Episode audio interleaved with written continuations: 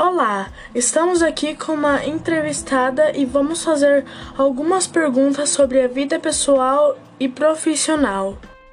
Olá, qual é seu nome e sua idade? Meu nome é Jaqueline, eu tenho 34 anos. Qual é seu nível de escolaridade?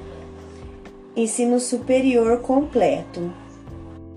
Qual sua profissão?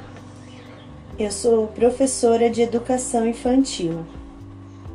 O que você mais gosta de fazer nas horas livres?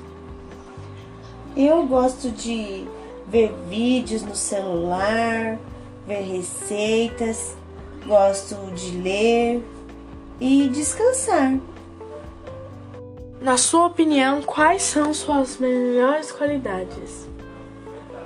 Eu sou uma pessoa honesta, sincera e tento ser prestativa à medida do possível. E seus maiores defeitos?